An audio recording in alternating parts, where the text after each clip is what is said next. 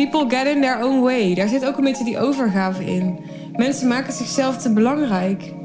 Ze maken zichzelf zo fucking belangrijk. Het is echt de oplossing voor heel veel.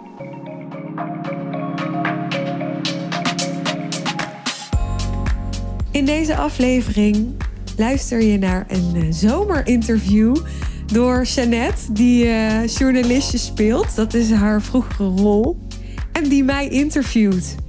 Nou, ik neem aan dat als je mijn podcast al een tijdje volgt... of mij bijvoorbeeld op Instagram volgt, dat je weet wie Jeannette is. Ik ken Jeannette van Dijk sinds 2018. En wij werden eerst een soort uh, vriendinnen en uh, business buddies. En toen werd Jeannette mijn klant. Er staat ook nog een klantinterview in mijn podcastfeed met Jeannette. En toen kwam ze in mijn team. En nu in deze zomerperiode dachten we... laten we eens uh, samen een... Uh, ja, je kan het een interview noemen... maar je mag het ook gewoon een gesprek noemen, opnemen... Dat hebben we gedaan. Je gaat onder andere luisteren naar thema's als um, overgave, empathie en mijn boekentip voor je voor deze zomer. Ik wens je heel veel luisterplezier. Nou, weet je, ik begin even met een hele, nou, best wel afgezaagde vraag, maar die toch denk ik best wel interessant is. Want het is vakantietijd en heb jij een boekentip voor ons? Nou, ik lees nu The Surrender Experiment en ik vind dat wel echt een aanrader. Is die van Michael uh, Singer? Ja, volgens mij wel. Ken je die? Ja, die staat ook op mijn Audible. Hoe ken jij al die boeken, joh?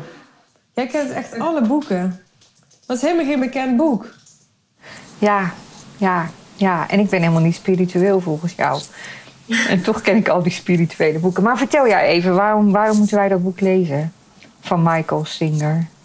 Oh, er is ook een Nederlands, zie ik. Het overgave-experiment.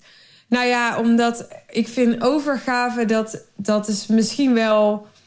Ja, misschien wel als ik uh, aan het einde van het jaar terugkijk... mijn hele thema van dit jaar. En dat is denk ik ook waar ik... Um, ja, waar ik echt harde lessen in te leren had dit jaar, vorig jaar. Omdat ik ja, toch heel lang wel energie heb gestoken in, uh, ja, in de maakbaarheid van het leven. Ja, het voelt echt alsof, uh, alsof het mij heel evenwichtig maakt. Om nu ook meer energie te steken in, in gewoon leven. In plaats van in mijn wil. En daar gaat dat boek over. Het, boek gaat over als je jouw wil eruit haalt. Of eigenlijk hebben zij het over voorkeur. Dus als je jouw voorkeur eruit haalt, dan gebeurt het leven gewoon. En hoe minder jij daarin wil interpreteren, hoe beter het kan worden. Dat is, ik, ben, heb hem nog niet uit, maar dat is een beetje het, statement van het boek. En ja, en ik vind het fantastisch wat hij daar dan allemaal in omschrijft. Hij woont als soort kluizenaar op een gegeven moment in een bos, die man. Heb jij het gelezen? Ja, ja, ja. Ik Oh, herinner me. Ja, het is wel een tijd geleden. Nou, ik heb het geluisterd. Oh, ik heb ja. het zo'n Audible. Nou ja, en dan, ik haal het een beetje uit de context, maar er komt op een gegeven moment een vrouw en die gaat op zijn land, gaat hij daar een huis bouwen ook. Maar Ja. het is zijn land. Dus hij komt op een dag, is hij weg geweest, komt hij terug, is opeens een vrouw een huis aan het bouwen op zijn land. Dus zijn eerste reactie is natuurlijk wat iedereen waarschijnlijk zou hebben van, wat doe jij hier? Dit is mijn land en je moet hier eerst toestemming om vragen en dat soort dingen. En dan gaat hij dus naar zijn eigen huisje en dan gaat hij een beetje zo mediteren en zo, want hij mediteert de hele dag. En ja, dan komt hij tot de conclusie van... oké, maar als het, als het dus niet gaat over wat ik wil... en het dus niet gaat over of ik wil dat zij hier komt wonen of niet... en of dat ik wil dat dat rechtvaardig is of niet... dan gebeurt het gewoon. Dan gaat zij gewoon hier wonen. Dus als ik nou gewoon laat gebeuren dat zij hier gaat wonen... nou ja, en dat wordt dan uiteindelijk wordt dat dan weer een hele interessante ervaring. En, en dat doet hij met alles in zijn leven. Dus hij wordt op een gegeven moment gevraagd als, als docent of zo... En dan is zijn eerste reactie: nee, dat wil ik helemaal niet. Want ik heb mijn leven helemaal gewijd aan meditatie en zo. Dus ik ga niet in zo'n druk klaslokaal. En, uh...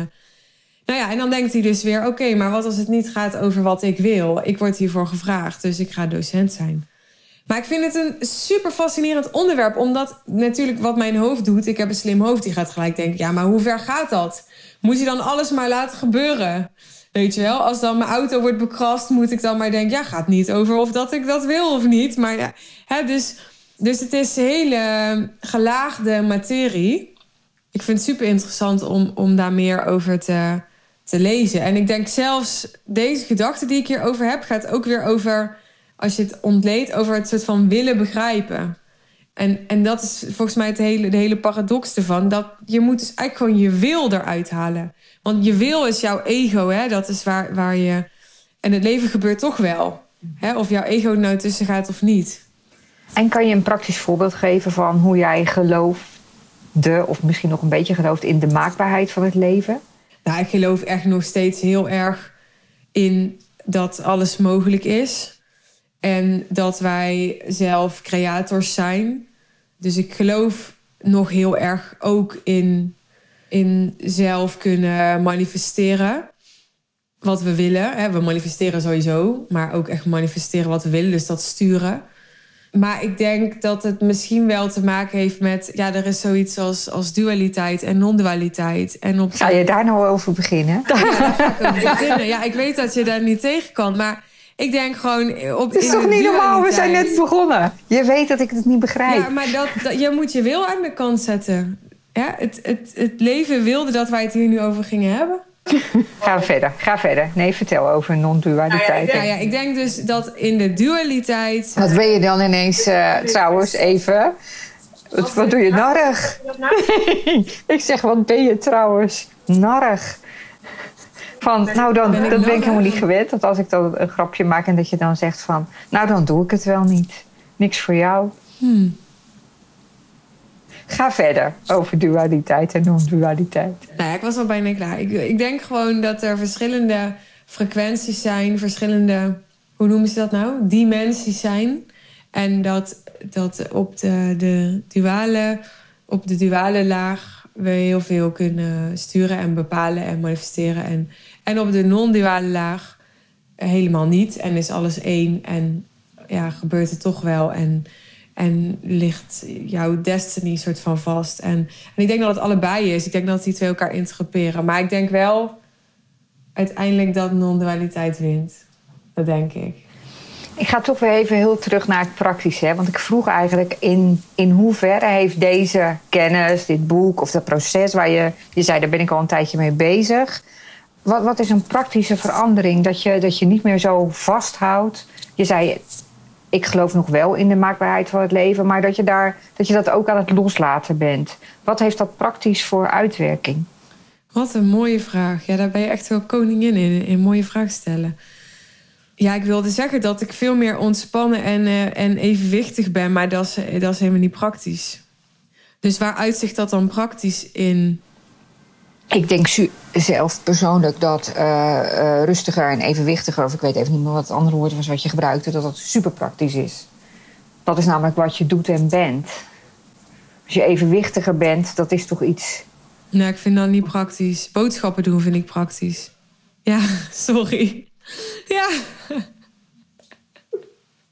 En boodschappen delen doe je, doe je al niet, toch? Nee, ik doe gewoon misschien wel niet aan praktisch. Goed, terug naar de vraag.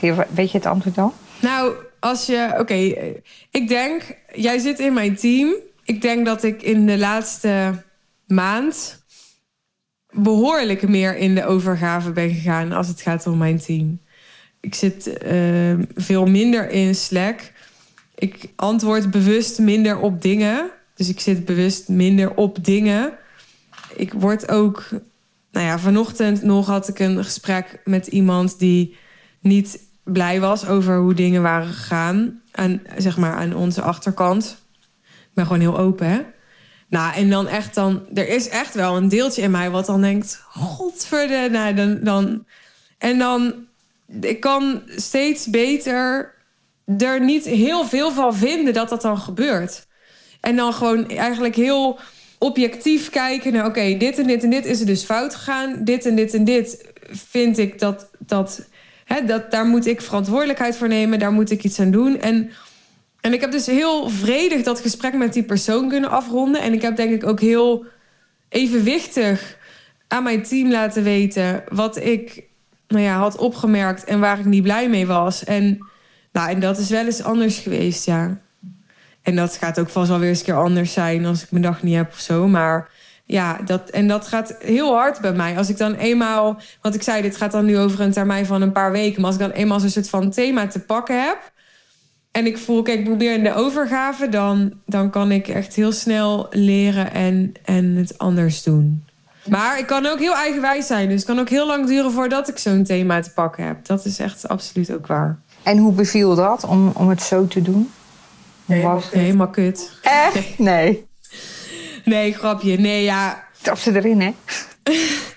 Kijk, ik kan het nog niet helemaal geloven. Ik ben nog niet aan de overgave toe dat jij dat zo kan. maar. Hoe beviel dat? Ja, nou ja.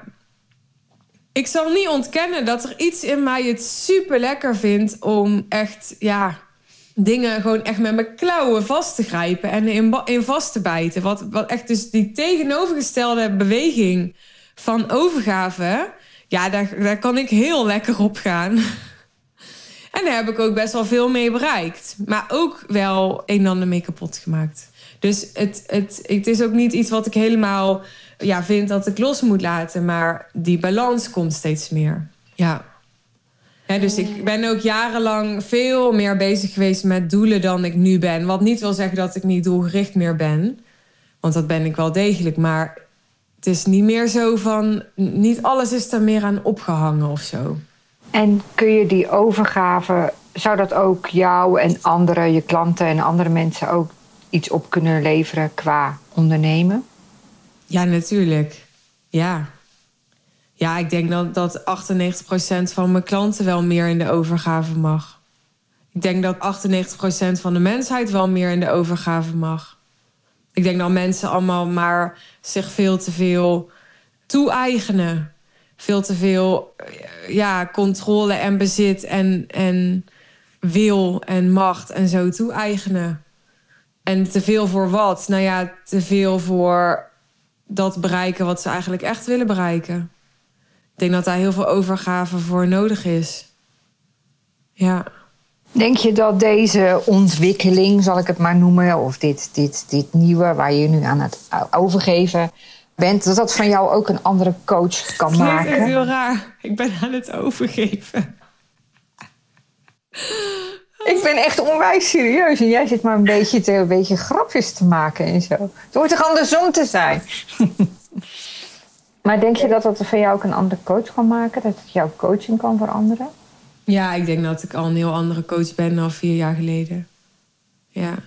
Vertel. Denk jij van niet? Ja, nee, ik, ik, ik denk het niet, ik weet het. Oh, dus je vraagt alleen maar naar de bekende weg. Ja, maar ik zit hier namens uh, alle luisteraars. Ja, ja, je houdt je van de domme, jij. ik ben echt helemaal, weet je, ik ben echt zo super in de rol van interviewer gekropen. Ik merk het zelfs aan de toon van de vragen die ik stel. Denk ik, speel niet zo journalistje, dat ben je niet meer, weet je wel. Speel niet zo journalistje. Nee, ja, we houden toch wel van je. Oké, maar waaraan merk je dat, dat ik een andere coach ben? Ja, omdat je veel empathischer bent. En ik denk. Dat voelt echt zo als een steek in mijn hart als je dat zegt, hè? Dat ik veel empathischer ben. Dat vind ik, ik vind dat toch. Ik blijf dat toch een moeilijke opmerking. Nou, ik zou het als een compliment opvatten. Ik weet nog ongeveer het eerste wat ik jou hoorde zeggen. Dat was toen de eerste keer dat ik jou zag. Dat jij zei, zal ik het vertellen? Of uh, moet Matthijs het er dan een uitgang knippen? Je hebt net als een schok gehad. Is dit geleden, even voor de luisteraar. Dit was denk ik, uh, wanneer heb ik jou ontmoet? 2000... Begin 2018. Ja, ja. ja. En toen zei jij, toen ging het over acties doen, stappen zetten. En ik weet gewoon nog, ja, ik onthoud altijd de gekste dingen. Dat jij zei, ik snap gewoon niet dat mensen dat dan niet doen. Je bent toch ambitieus? Je wil dat toch? Ja, ja dat kan ik zomaar gezegd hebben, ja. Ja, dat, ik, en ik kan het ook meteen weer voelen dat ik dat dan ook echt niet snap. Maar zou je dat nu nog steeds kunnen zeggen? Nee, ik zou dat nu niet meer zeggen. Nee. En hoe komt dat? Kijk, nu ga ik weer coachen, een beetje coachachtig doen. Want nu wil ik dat jij zegt, omdat ik veel empathischer ben. Omdat ik veel empathischer ben geworden, moet jij nu zeggen. En hebben we het rondgemaakt, snap je? Ja, nee, dat vind ik een te makkelijk antwoord. Nee, hoe komt dat? Oh nee, vroeg je dat? Nee, ja, jij, zei, jij vroeg, ben ik anders geworden als coach? En ik, ik zei ja. toen, ik vind dat je veel empathischer bent geworden. En ik gaf dit als voorbeeld van dat je ja. dat toen zei. Ja, ik vond trouwens ergens wel dat je gelijk... Ik weet niet of het empathie is. Ik vind het ook gewoon een soort ontwikkeling. Dat dat ik gewoon... Ik bedoel, ik ben nu vier jaar coach. En ik heb superveel mensen gecoacht. En ik, ik snap gewoon... Ik weet gewoon veel en veel beter hoe mensen in elkaar zitten... en hoe de psyche werkt. Dus het is ook gewoon iets heel pragmatisch, denk ik. Ik snap gewoon... Ik, ik heb natuurlijk veel meer patronen gezien. Veel meer emoties gezien. Veel meer psychische processen meegemaakt. Veel meer. Ja, en, en wat ik zei, is dan een beetje slim bent en je pakt dat snel op, dan krijg je dus gewoon dat dingen die je eerst niet begreep, die begrijp ik nu wel. Zo simpel is het. Ja, nou ja, ik kijk dan een beetje ook met zo'n coachoog, weet je wel. Ik zie een, een goed coachen zie ik langs twee assen gaan, zeg maar. De as van de empathie en de as van het kunnen confronteren, zien wat er, wat er nodig is en dat zeggen. Ja. Dus ja. ik praat ook een beetje in die taal, weet je wel. En vandaar dat ik ook het woord empathie noem, omdat ik liefde kan je dat ook noemen. Maar je kan ook zeggen meer beter doorzien het is wel beter bij mij dan empathie. Ik vind empathie echt een ja, ik krijg toch altijd een beetje jeuk van dat woord. Hoezo eigenlijk? Wat wat ja, misschien is dat gewoon een soort jeugdtrauma. Ik weet niet. Dat is gewoon ik ben gewoon zo vaak in verband gebracht met empathie in een niet per se positieve context ja, dat, dat dat niet helemaal meer een neutraal woord voor mij is, denk ik. Nou ja, ik denk sowieso dat er veel misverstanden bestaan over empathie. Weet je wel, empathie is niet dat je met een kommetje soep... Eh, dat voorbeeld geef ik altijd als iemand ziek is in de straat... dat je dan de hele dag kommetjes soep gaat brengen en zo. Ja, nou dat is grappig. Want gisteren zei iemand nog tegen mij dat ik zo zorgzaam ben. Toen moest ik nog aan jou denken. Want toen dacht ik nog dat staat dus in mijn human design dat ik zo zorgzaam ben. Terwijl, ja, vraag bijvoorbeeld mijn vader: is Suus zorgzaam? En hij zal zeggen nee. Want nee, ik ben zeker niet de eerste die als je ziek bent. Uh... Nee, maar dan. Nou, hoewel dat ook veranderd is. Dat is ook wel echt veranderd. Want ik zeg dat nu en dan denk ik: nee, dat is ook een oud verhaal. Dat is ook trouwens echt een, een soort van fout in het leven, weet je wel? Dat je eigenlijk continu praat over dingen in het verleden die gewoon al niet meer nu zijn. En dat je dan dus het verleden op de toekomst projecteert. En dat, ja, dat hadden ze echt anders moeten bedenken. Nee, maar dat is al lang anders bedacht. Alleen we, we houden ons er niet aan, want dat is precies Eckhart Tolle. Je leeft in het nu. En het verleden is geweest en dan projecteren we allerlei dingen op en op de toekomst. En dat maakt ons helemaal verwarrend en in de war en vermoeid. Maar we praten nu ook over het verleden. Dat boek wat ik heb gelezen, ja, dat, dat is ook twee weken geleden. Dat, dat ja, maar dat was de wil die zei dat je daar dan vandaag over moest praten. Oh ja, dat is waar. Nee, maar nog even over empathie. Volgens mij is, is, bestaat er heel erg een misverstand over wat empathie is. En daar, dat is ook een soort valkuil waar coaches in stappen. Empathie is... Ik heb, het mooiste wat ik ooit gehoord heb over empathie is... Oh, nu ben ik het even kwijt. Dit is echt heel stom. Hoe gaat die zin ook alweer? Nou ja, ik ben die zin kwijt. Het is mijn lievelingszin. Die gaat over, je hoeft niks te doen, wees er. Be there, don't echt, het is echt heel raar dat ik deze, het is mijn lievelingszin. Nou ja, goed. Hoe oud ben je ook alweer? Nog niet boven de 70, dan ga je een beetje geheugenverlies lijden. Goed, maar dat is dus wees er, weet je wel, dat je er, voor, dat je er bent. Oké, vind jij mij empathisch? Nou ja, als ik. dan moet ik weer zeggen, ik vind je veel empathischer dan ja, maar nog steeds kan, kan je vinden dat ik helemaal niet zo empathisch ben. Alleen iets meer dan vier jaar geleden. Ik zei net heel veel meer en toen had je al steek in jou. Dus durf ik niet nog een keer te zeggen. Nee, maar je bent wel veel meer bij je klanten. Ja, nou heb je het over mijn klanten. Maar houd het eens bij jezelf dan. Oh, nou. Wat een gewe... Don't fix it, be there. Dat is de zin. Supermooi. Je hoeft het niet op te lossen. Je moet er gewoon zijn. Don't fix it, be there. In de nauw zijn, niet naar het verleden kijken, niet naar de toekomst ja, overgaan. Ja, don't fix it, be there. Je bent hartstikke empathisch. Totdat, totdat je Peter een poepbroek heeft. En dan ga je niet gewoon zijn. Dan moet je gewoon die poepbroek opruimen. Ja, ik zit nog even te denken om te, aan te denken hoe, of ik jou in het, hoe empathisch jou, ik jou in het gewone leven vind. Ja, we doen alles door elkaar. Ja, nee, er was nog een vraag die je stelde, maar die was ik een beetje aan het ontwijken, dit, dat antwoord. Ik moet daar even heel goed goed over nadenken hoor. Ik denk niet dat je de super empathischste mens op aarde bent. Maar ben ik zelf ook niet. Oh, ga ik het, ga, ga, ik het weer zilver clouden. Sugarcoaten. Nou ja, meest empathisch weet ik niet. Maar jij bent wel. Nou, empathisch vind ik. Ik weet niet, ik vind dat gewoon een moeilijk woord. Wat ik jou heel erg vind is je bent heel begaan. Dat vind ik echt bij, op, jou, op jou van toepassing. Ja. En dat heb jij veel meer dan, dan ja, ik. als empathie inlevingsvermogen is, dan heb ik daar echt honderd van, volgens mij. Ja, en ik denk dat ik daar, daar klinkt misschien raar om te zeggen dat ik daar ook honderd van heb. Ik denk dat ik, dat ik dat heel goed kan. Alleen dat is bij mij niet een knopje wat 24 uur per dag aanstaat, zeg maar. Nee, ja, snap ik. Maar ik denk ook wat, wat ook een verschil is, ik onthoud bijvoorbeeld dingen eerder. Ik zal, als jij iets hebt, of als er iets belangrijk is, dan vergeet ik eigenlijk bijna nooit bij niemand te vragen: Oh, hoe was dat? Oh, succes daarmee, weet je wel. En jij kan wel vergeten dat mijn dochter gisteren jarig was of zo.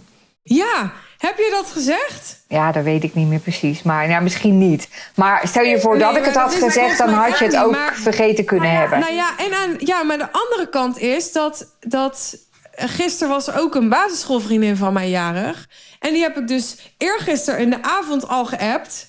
Dat ze de volgende dag jarig was. En toen heb ik er gisteren nog gebeld. Terwijl, dus ja, een basisschoolvriendin. En die, die heb ik dus eigenlijk al, I don't know, misschien wel een heel jaar niet gesproken sinds de vorige verjaardag. En dus, maar ja, je, ja ik, ik, ik vind mezelf best wel attent. Ja. Ja. Maar dat is misschien dan net weer ja, een andere nuance. Maar vind jij... Het lijkt net of ik mezelf heel erg zit te verdedigen. Zo bedoel ik dat helemaal Ja, niet. ja. Ze net, oké, we doen een andere boeg. Wat is mijn slechtste eigenschap? Dan zegt ze gebrek aan empathie. Hoewel dat toch wel af, al is toegenomen, maar het is nog lang niet genoeg. Wat is jouw slechtste eigenschap? Te laat komen. Ja, je komt, ik heb nog was nooit gehad dat ik een kom met jou had en dat jij laat. er al was. Eh, dat is waar. Maar ik weet ook niet, kijk, wat is een slechte eigenschap, hè? Want als ik op het moment dat ik een eigenschap van jou slecht vind, dan zegt dat natuurlijk ook wat over mij. Als ik denk Ja, van dat dat, zegt heel veel over ja, dat jij moeite hebt met dingen die fout gaan, Oh ja. dat vind ik, dat vind ik een heel lastige Nou, dat is mijn beste Ja, eigenschap. zie je het? En ik vind juist weer... Ik had gisteren stuurde die Rich Litvin, je weet wel, hè, daar ben ik fan van. Dat is echt een hele goede coach. Die stuurde een, eh, een mail. Hij is nu op vakantie, dus het stuurt allemaal oude mails. Niet dat dat interessant is. Maar er staat in hoe hij over fouten ingaat. Hij stuurt als een teamlid een fout maar heeft gemaakt... zorgt hij dat hij een bos bloemen krijgt.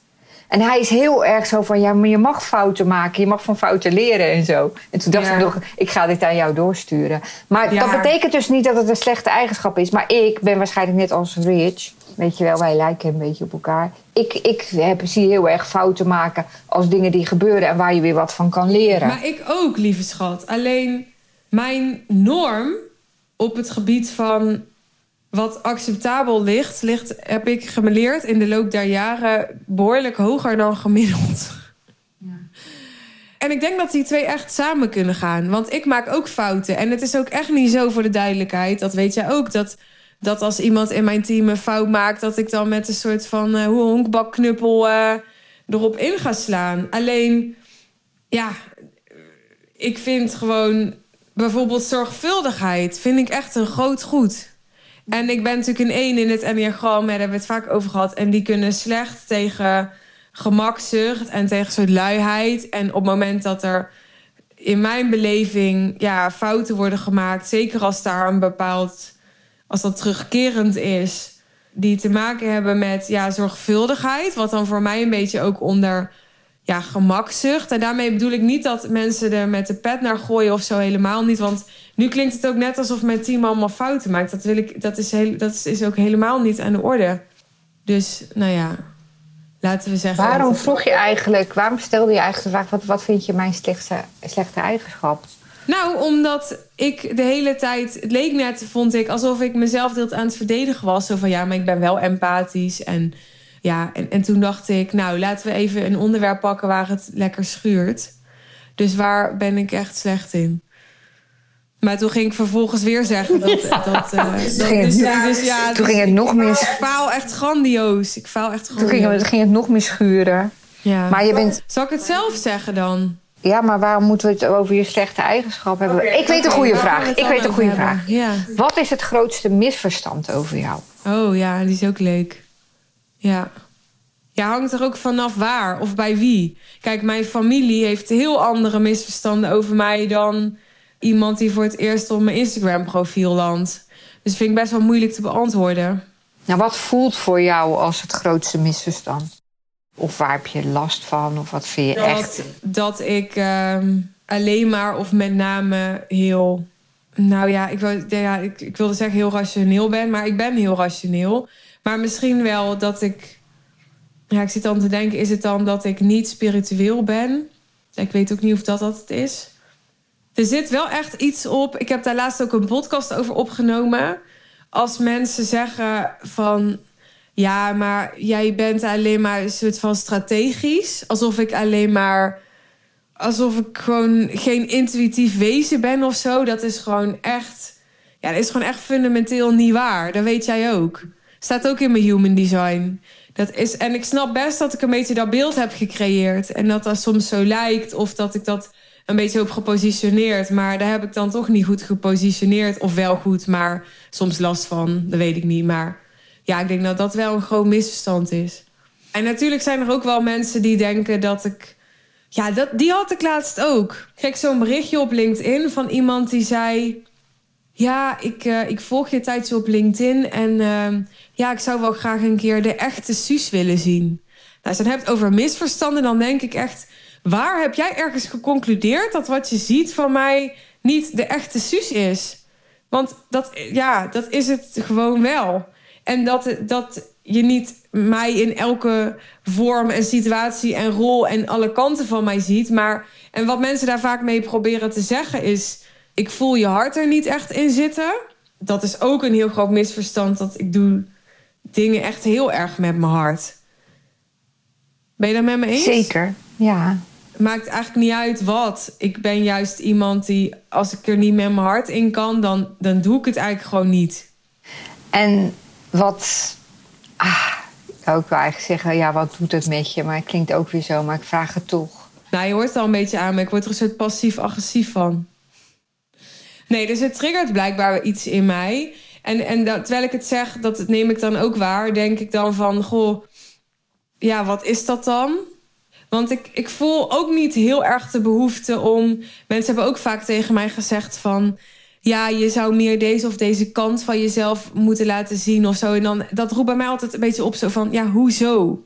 Ik vind het wel goed zo, weet je wel? Ik bedoel, ik ben wel blij met mezelf. Mijn business gaat goed, dus ja, why? Omdat een paar mensen een paar lagen van me niet zien? Nou, snap je? Vind ik niet zo'n heel goede reden. Dus dat is het niet. Maar er, ik denk dat het wel te maken heeft met een soort fundamentele behoefte van de mens om gewoon gezien te worden voor wie je bent. En ik denk wel dat dat, dat ook een thema is in mijn leven. Nou, het hoor je ook wel een beetje in uh, het gesprek met, uh, met mijn vader, die ik heb opgenomen voor deze podcast. Dat ik wel heel veel niet vol gezien ben, denk ik. Dus, en met vol bedoel ik dan met alles wat ik ben. Want ik ben namelijk best wel allround of zo. Dus, dus ik heb best wel veel ook tegenstrijdigheden. Dus heel vaak zien mensen een deel van mij en zien ze de andere kant niet. Maar ik ben echt wel en-en. Dat zijn we natuurlijk allemaal. Alleen misschien omdat ik best wel uitgesproken kan zijn... trekt die uitgesproken kant dan de aandacht... en dan zien mensen de andere kant minder. Ja, en je bent denk ik ook iemand van uiterste je bent niet een soort smal iets. Ja, snap je? Dat je spectrum is wel. Ik ben geen uh, gemiddelde. Nee. Bedoel je dat? Mm -hmm. Nou ja, ja, dat ook. Maar ook. Wat bedoel je met uiterste dan? Kan je een voorbeeld geven? Ik zal maar zeggen dat je heel grote doelen hebt en dingen durft en zo. Maar dat je tegelijkertijd ook het liefst bij je konijnen bent.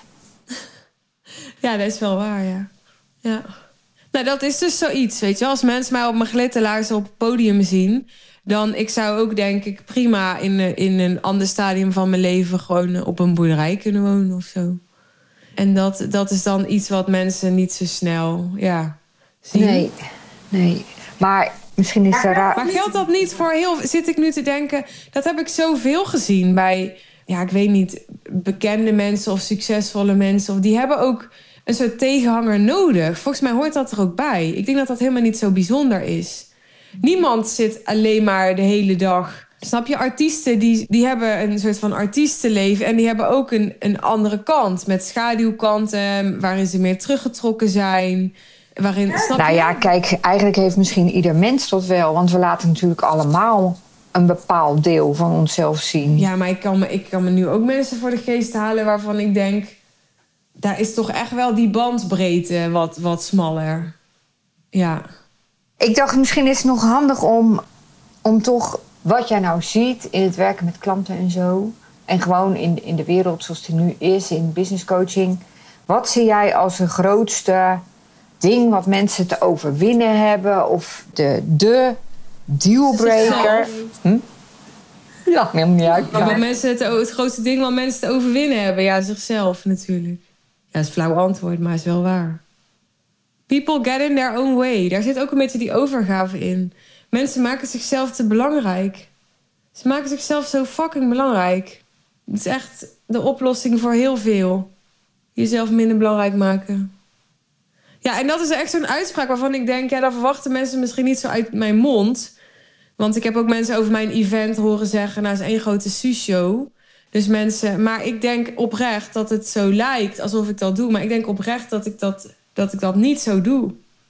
Want anders had ik veel meer blokkades dan ik heb, denk ik. Hoe doe je het dan wel als je het niet zo doet?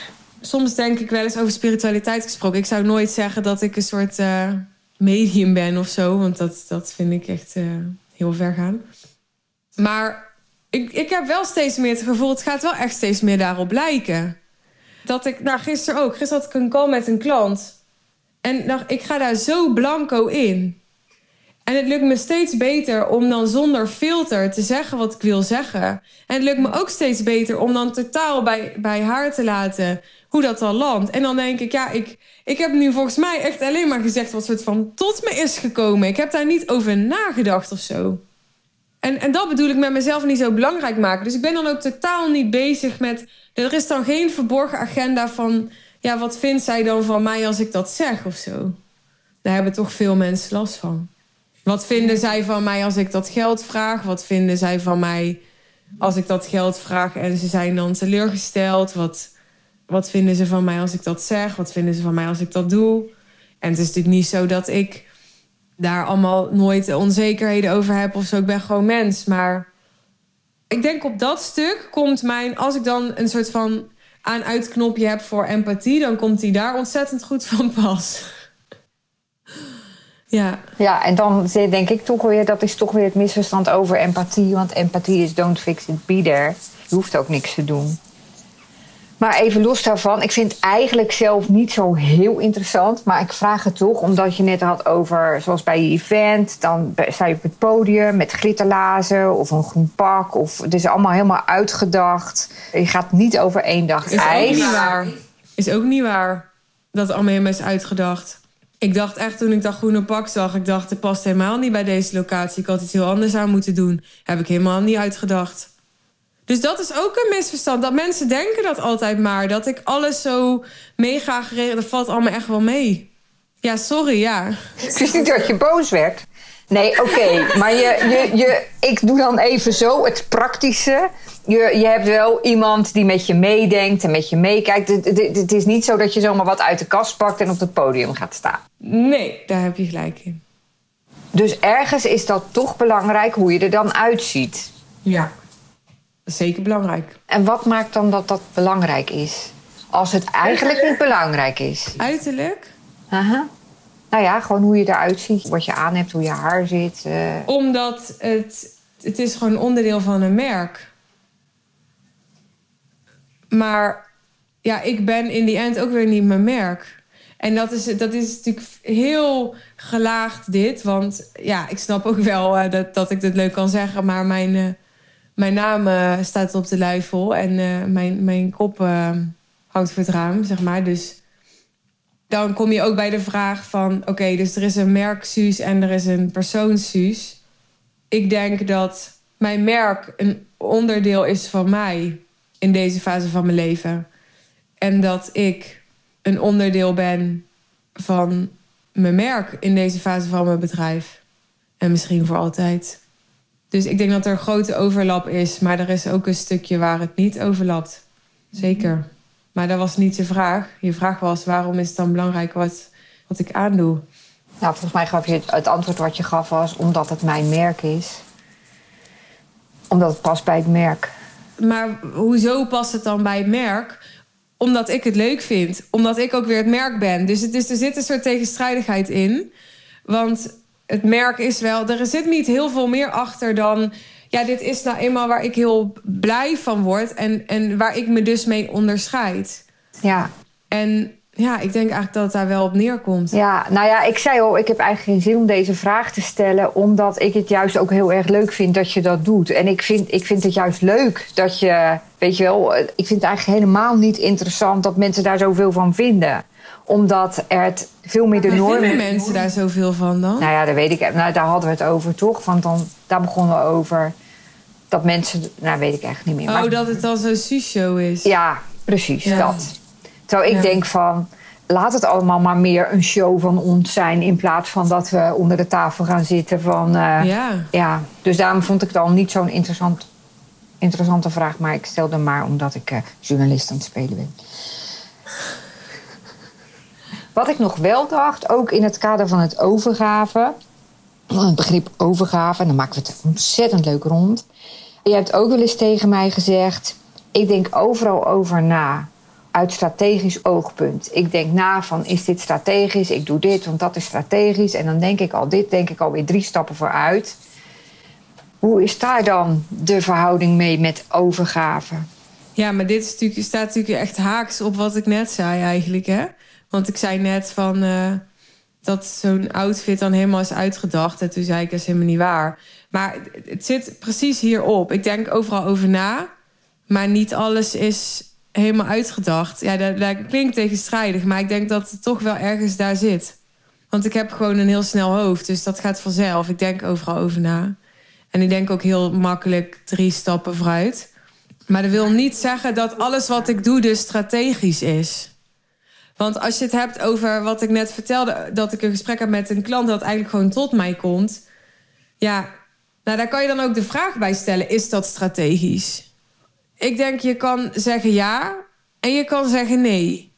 Dus ik vind strategisch ook een, een lastig woord, omdat het het is planmatig. Nou ja, ik denk kom ik weer op. Op dat moment heb ik niet een plan bedacht voor wat ik ga zeggen. Maar het, het, als je op een hoger niveau kijkt, is wel mijn plan voor iemand, snap je? Dat ik op dat moment gewoon zeg wat tot mij komt. Dus het is maar net op welk niveau je kijkt. Ja, maar wat je nu zegt over dat, dat vind ik ook juist heel sterk, juist op die events zoals je dat doet. Dan zeg ik ook altijd, dat moet je niet meer benadrukken dat je dat doet. Of vaker doen, dat je die, die, die coaching on the spot, weet je wel. Die is vaak heel erg on the spot. Haha. Ik ben ook echt heel leuk uh, met woorden. Maar ik dacht nu net van, ik begon over dat, dat, wat jij toen een keer tegen mij zei, van ik denk overal over na. En nu ging jij dat eigenlijk weer een beetje eh, daar anders tegen aankijken. Maar toen dacht ik, is dat misschien ook het proces waar je in zit? Dat je dat nu ook misschien wel niet meer zo zou zeggen. Dit is van een paar maanden geleden. is dat wel waar. Het is nog maar een paar maanden, dus misschien nog maar twee maanden geleden of zo. Nou, ik denk dat het gewoon echt allebei is. Want als ik kijk naar de Suus van bijvoorbeeld vijf jaar geleden, dan denk ik, nou ja, ik dacht helemaal niet. Je kan denken en je kan een soort deep thinking doen of zo, weet je wel. Dus ik denk wel heel veel, maar het is niet zo dat, dat alles wat ik doe supergoed doordacht is. Nee, omdat je intuïtie, je overgave, je innerlijke weten je ook leidt. Nou ja, en omdat ik ook gewoon best wel een soms gewoon een soort ongeduldig wezen ben. En ook wel soms gewoon move before you're ready dingen kan doen voordat ik, ja, snap je wat ik bedoel? We waren net zo spiritueel bezig. Oh. Ja, ik snap het. Wat is spiritueel eigenlijk voor jou, Jeanette? Ja, ik heb wel eens gezegd, ik kom helemaal niet uit een spirituele omgeving. Hè. Ik kom uit een heel nuchter gezin. Ik kom uit een hele nuchtere omgeving, journalistiek. Of althans het deel waar ik werkte, daar werd spiritualiteit eigenlijk gewoon niet getolereerd, zou je kunnen zeggen. Alles werd afgedaan. Maar spiritualiteit is toch heel nuchter? Nou, het werd heel erg afgedaan als zweverig en zo. Dus daar kom ik vandaan. Ook van dat dat allemaal zweverig is. Maar dus voor mij was het best wel, is het best wel een soort ja, ontdekkingstocht of zo. Maar ik vind het eigenlijk ook, ik vind het ook helemaal niet zweverig. Ik vind in het nu leven en zo vind ik bevrijdend, fantastisch, helend. Uh, iets wat iedereen eigenlijk al op de lagere school moet leren. Heel Ja. praktisch ook. En als je vraagt wat is spiritualiteit voor mij, dan is het denk ik. Ik ben ook iemand die heel erg in zijn hoofd zit. Heel rationeel, heel analytisch, heel logisch denkend. En om uit mijn hoofd te gaan, dat is voor mij eigenlijk spiritualiteit. Oh, mooi. Maar ook het een soort onderdeel, is, ook al vind ik dat non-dualiteit en dualiteit heel moeilijk te begrijpen, dat we allemaal één zijn en zo, daar snap ik echt helemaal niks van. Kan ik gewoon niet bij met mijn hoofd.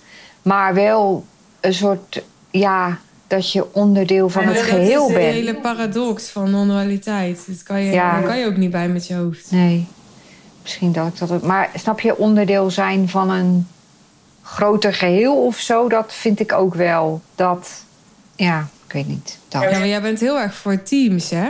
Ik vind mezelf veel individualistischer. Ja, dat klopt. Maar ik heb dan weer in mijn Human Design zo'n kanaal van dat ik, dat ik heel erg ben van communities en zo. En dat vind ik eigenlijk, want ik eigenlijk soms hou ik er helemaal niet van, weet je wel. En dan denk ik, oh, dat wil ik. Ik, ik bouw eigenlijk dat ik dat. Ik, er zijn veel leukere kanalen. En dan baal ik eigenlijk van dat ik dit heb. En aan de andere kant weet ik ook wel dat ik wel in een groep en zo. eh, Ja, jij bent heel goed in de groep. in, in, ja, ik. ja, Wat, eh, wat was mijn leukste kanaal ook weer? 14, hè? Ja, dat is een gate. Dat, dat, is- dat je goed met gel- geld kan omgaan. Nee, volgens mij zit er heel veel leiderschap en ik weet het even niet uit mijn hoofd, maar ook mensen vooruit helpen en een soort visie hebben. Dat zit allemaal bij jou ook in. Ja, bij mij zit er ook nog een hele leuke in hoor. Maar wat is voor jou spiritualiteit dan? Ja, ik denk dat ik dat al ooit ergens heb gezegd. Maar dat maakt niet uit. Ik heb wel meer eh, vaker gezegd. Ja, ik denk best wel in lijn met wat jij zegt. Je bewustzijn verschuiven naar de waarnemer. In plaats van geïdentificeerd zijn met je gedachten. Ja. Komt denk ik bijna op hetzelfde neer. Ja, ik weet nog dat iemand zei in een interview ook, toen ik nog echt interviews deed, zei iemand tegen mij van, ja, je moet niet alles geloven wat je denkt. En toen was ik dus echt al oud, hè. En ik dacht, oh, wa- wat een leuk grapje, dacht ik. Die man maakt een leuk grapje. En toen bleek het van Eckhart Tolle. En toen, en toen dacht ik, ja, maar dit is, dat was echt voor mij zo'n openbaring. Ja. Kan je dat voorstellen? Het is echt nog helemaal Ja. niet lang geleden. Mijn hele wereld ging daar nooit over. Nee. Mijn hele wereld ging geloof wat je denkt en, en wat bewezen is. En wat leiders, ja, weet je wel, ik weet het allemaal niet. De, de, de het nieuws en, en dit. En, ik, en toen had ik ook echt zoiets van: dit moet de hele wereld weten. Het helpt zo erg om te Maar weten het van. probleem is alleen dat al die mensen tegen wie je dat vertelt... die denken natuurlijk ook, oh, wat een leuk grapje. Ja. ja, ik dacht ook: het is niet waar. Want wat ik denk is waar. Je moet niet alles geloven wat ik denk. Ja, maar dat is waar. Maar Michael Pilarczyk, want ik, ik was gelukkig iets jonger. Ja. ja. Ja, nou, dat verhaal heb ik ook al vaker verteld. Maar ja, mijn, mijn reis begon echt bij Michael. Nou, ik kreeg RSI eerst. Toen kon ik niet meer werken. Nou, dat was nogal wat voor iemand die zeven jaar lang ongeveer 24-7 had gewerkt. Maar ik kon ook geen boeken lezen. Want de, die houding van een boek vasthouden was, was ook al, zeg maar, leek al te veel op een soort toetsenbord. Dus toen dacht ik, wat moet ik dan in godsnaam doen met mijn leven? Toen ging ik dus podcasts ontdekken. Zo ben ik in de podcast beland. En toen kwam ik bij Eindbazen. Volgens mij was dat de eerste die ik luisterde. Met Michael. Toen eh, kwam ik eh, door die podcast, dacht ik van... eh, ja, ik moet gewoon naar zijn, ik moet gewoon naar zijn seminar toe.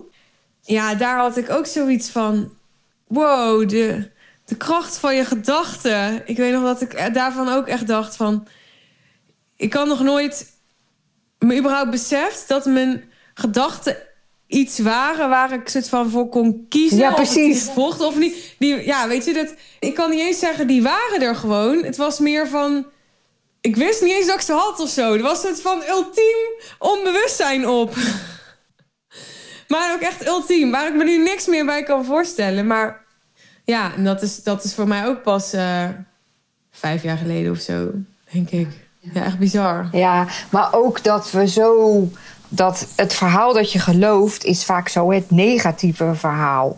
Terwijl je jezelf ook het positieve verhaal kan vertellen. Maar dat, dat, dat we zo geneigd zijn nou altijd maar het negatieve te... Dat zoveel oplicht. Ik vertelde gisteren... Ja, maar, maar als je het dan hebt over non-dualiteit... dan denk ik dus, oké... eerst, als je dus niks aan persoonlijke ontwikkeling hebt gedaan... ga je je ego gezonder maken. Ga je positiever denken. Maar dan een vervolgstap om eigenlijk dat denken Ja. überhaupt niet meer Ja, te geloven. Ja. Want het is toch een soort monkey mind, weet je wel? Ja, Dus nu, als ik nu bij Michael zou zitten, vind ik een fantastische vent hoor, maar dan, ja, nu kan ik er niks meer mee. Omdat het gewoon een andere fase is. Ja.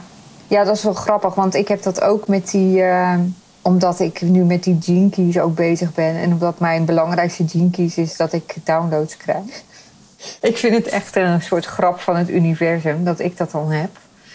Maar ja, ja nu, nu, nu ga, geef ik me daar Doe ook een soort een aan. download, gewoon ter plekke. Download even iets. Ja, zo werkt het natuurlijk niet, hè? Echt wel? Ik app jou soms en dan zeg ik van, heb je hier een download over? Ja. Ja, ik denk dat er een nieuwe, nieuwe tijd aanbreekt. Nee, ik Ja, voel... zeg voorspel even iets. Ja, ik denk, nou, ik denk ook dat er een nieuwe tijd aanbreekt in onze coaching daarin. Ja, dat vind ik echt een hele saaie download dit. Jee, dit is gewoon, echt super. Iets juicies of zo. Wat? Iets juicies. Dat je volgend jaar gaat trouwen. Een juicy download. Luister, je luisterde niet, hè? Ik hoorde je wel, maar ik luisterde niet. Ik vond die van net juicy genoeg. Ik denk dat het, dat, dat, dat het een, enorm, een enorm verschil kan maken. Dat zeggen al die, die spirituele leiders, toch? Ik bedoel, dat, dat, ik denk... Al die spirituele leiders. Ik ben Ja. ineens een spirituele Je leider. bent zo ineens een spiritueel leider geworden. Je bent opeens geupgrade. Nee, maar ik denk dat ons bewustzijn, collectieve bewustzijn... gewoon alleen maar steeds sneller aan het ontwikkelen is. Dus, dus er breekt altijd een nieuwe tijd aan. Want als ik gewoon, ja, kijk naar twee generaties terug... dan denk ik, nou ja... Kan jij nou even een beetje empathisch doen en zeggen van... ja. Leuk Jeannette dat je dat nu zegt. Alleen ik heb daar nog wat aan toe te voegen. Dat, dat is echt omdat jij een projector bent. Dat heb je altijd zo nodig, hè? Om even te horen... Wat een goed idee van jou. Dat er een nieuwe tijd aanbreekt. Ja, dat is wel waar. Je moet lachen.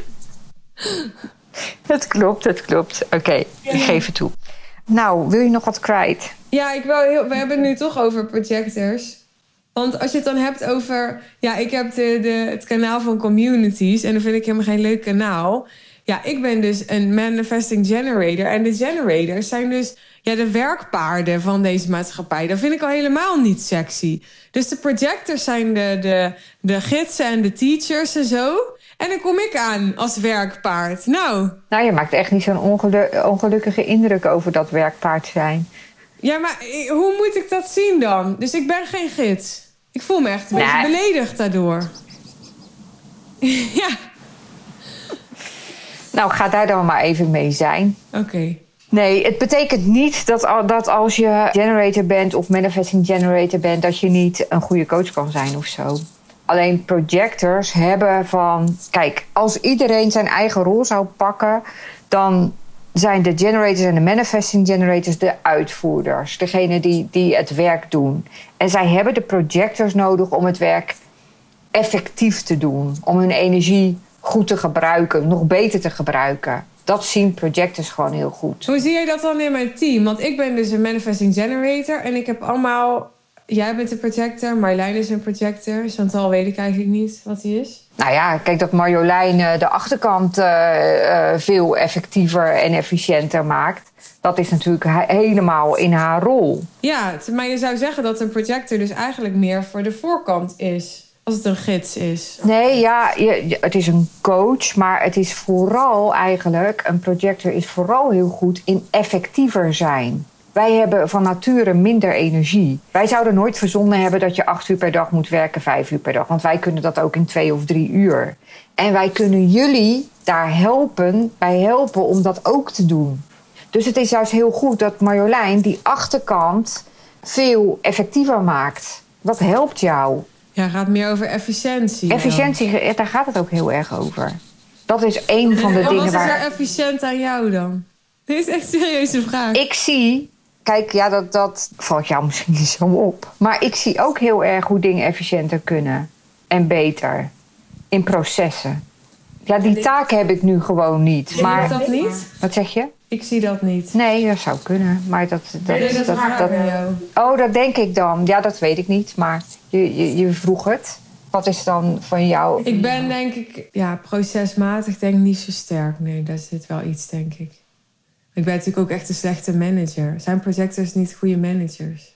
Jij bent toch ook manager geweest? Ja, maar dat is ook weer iets wat je, wat je kan leren. Hè? Leiding geven is echt iets wat je kan leren. Wat zeg je? Nee, maar ik heb het niet over leiding geven per se. Oh, oké. Dat vind ik alweer iets anders dan managen. Oké. Jij hebt volgens mij wel... Ja, oh ja, dat vind je... Ja, nee, jij bent niet... eh, ja, dat weet ik eigenlijk ook allemaal niet. Ik vind het nu allemaal eh, een beetje vaag worden. Kunnen we dit praktisch maken? We zijn een uur bezig, hè? Wat wil je nog kwijt? Maakt er niet uit. Voor mij lullen we twee uur. Nee, ja, ik heb over negen minuten volgende call, ja? Oh. Nou, pardon. Ik heb mijn plek weer. Wat ongezellig eigenlijk. Ja, daar kan hem niet afzeggen. Dat, dat, daar houdt de baas niet van. Daar houdt mijn manager niet van. Ja, oké. ehm, wat wil ik nog kwijt?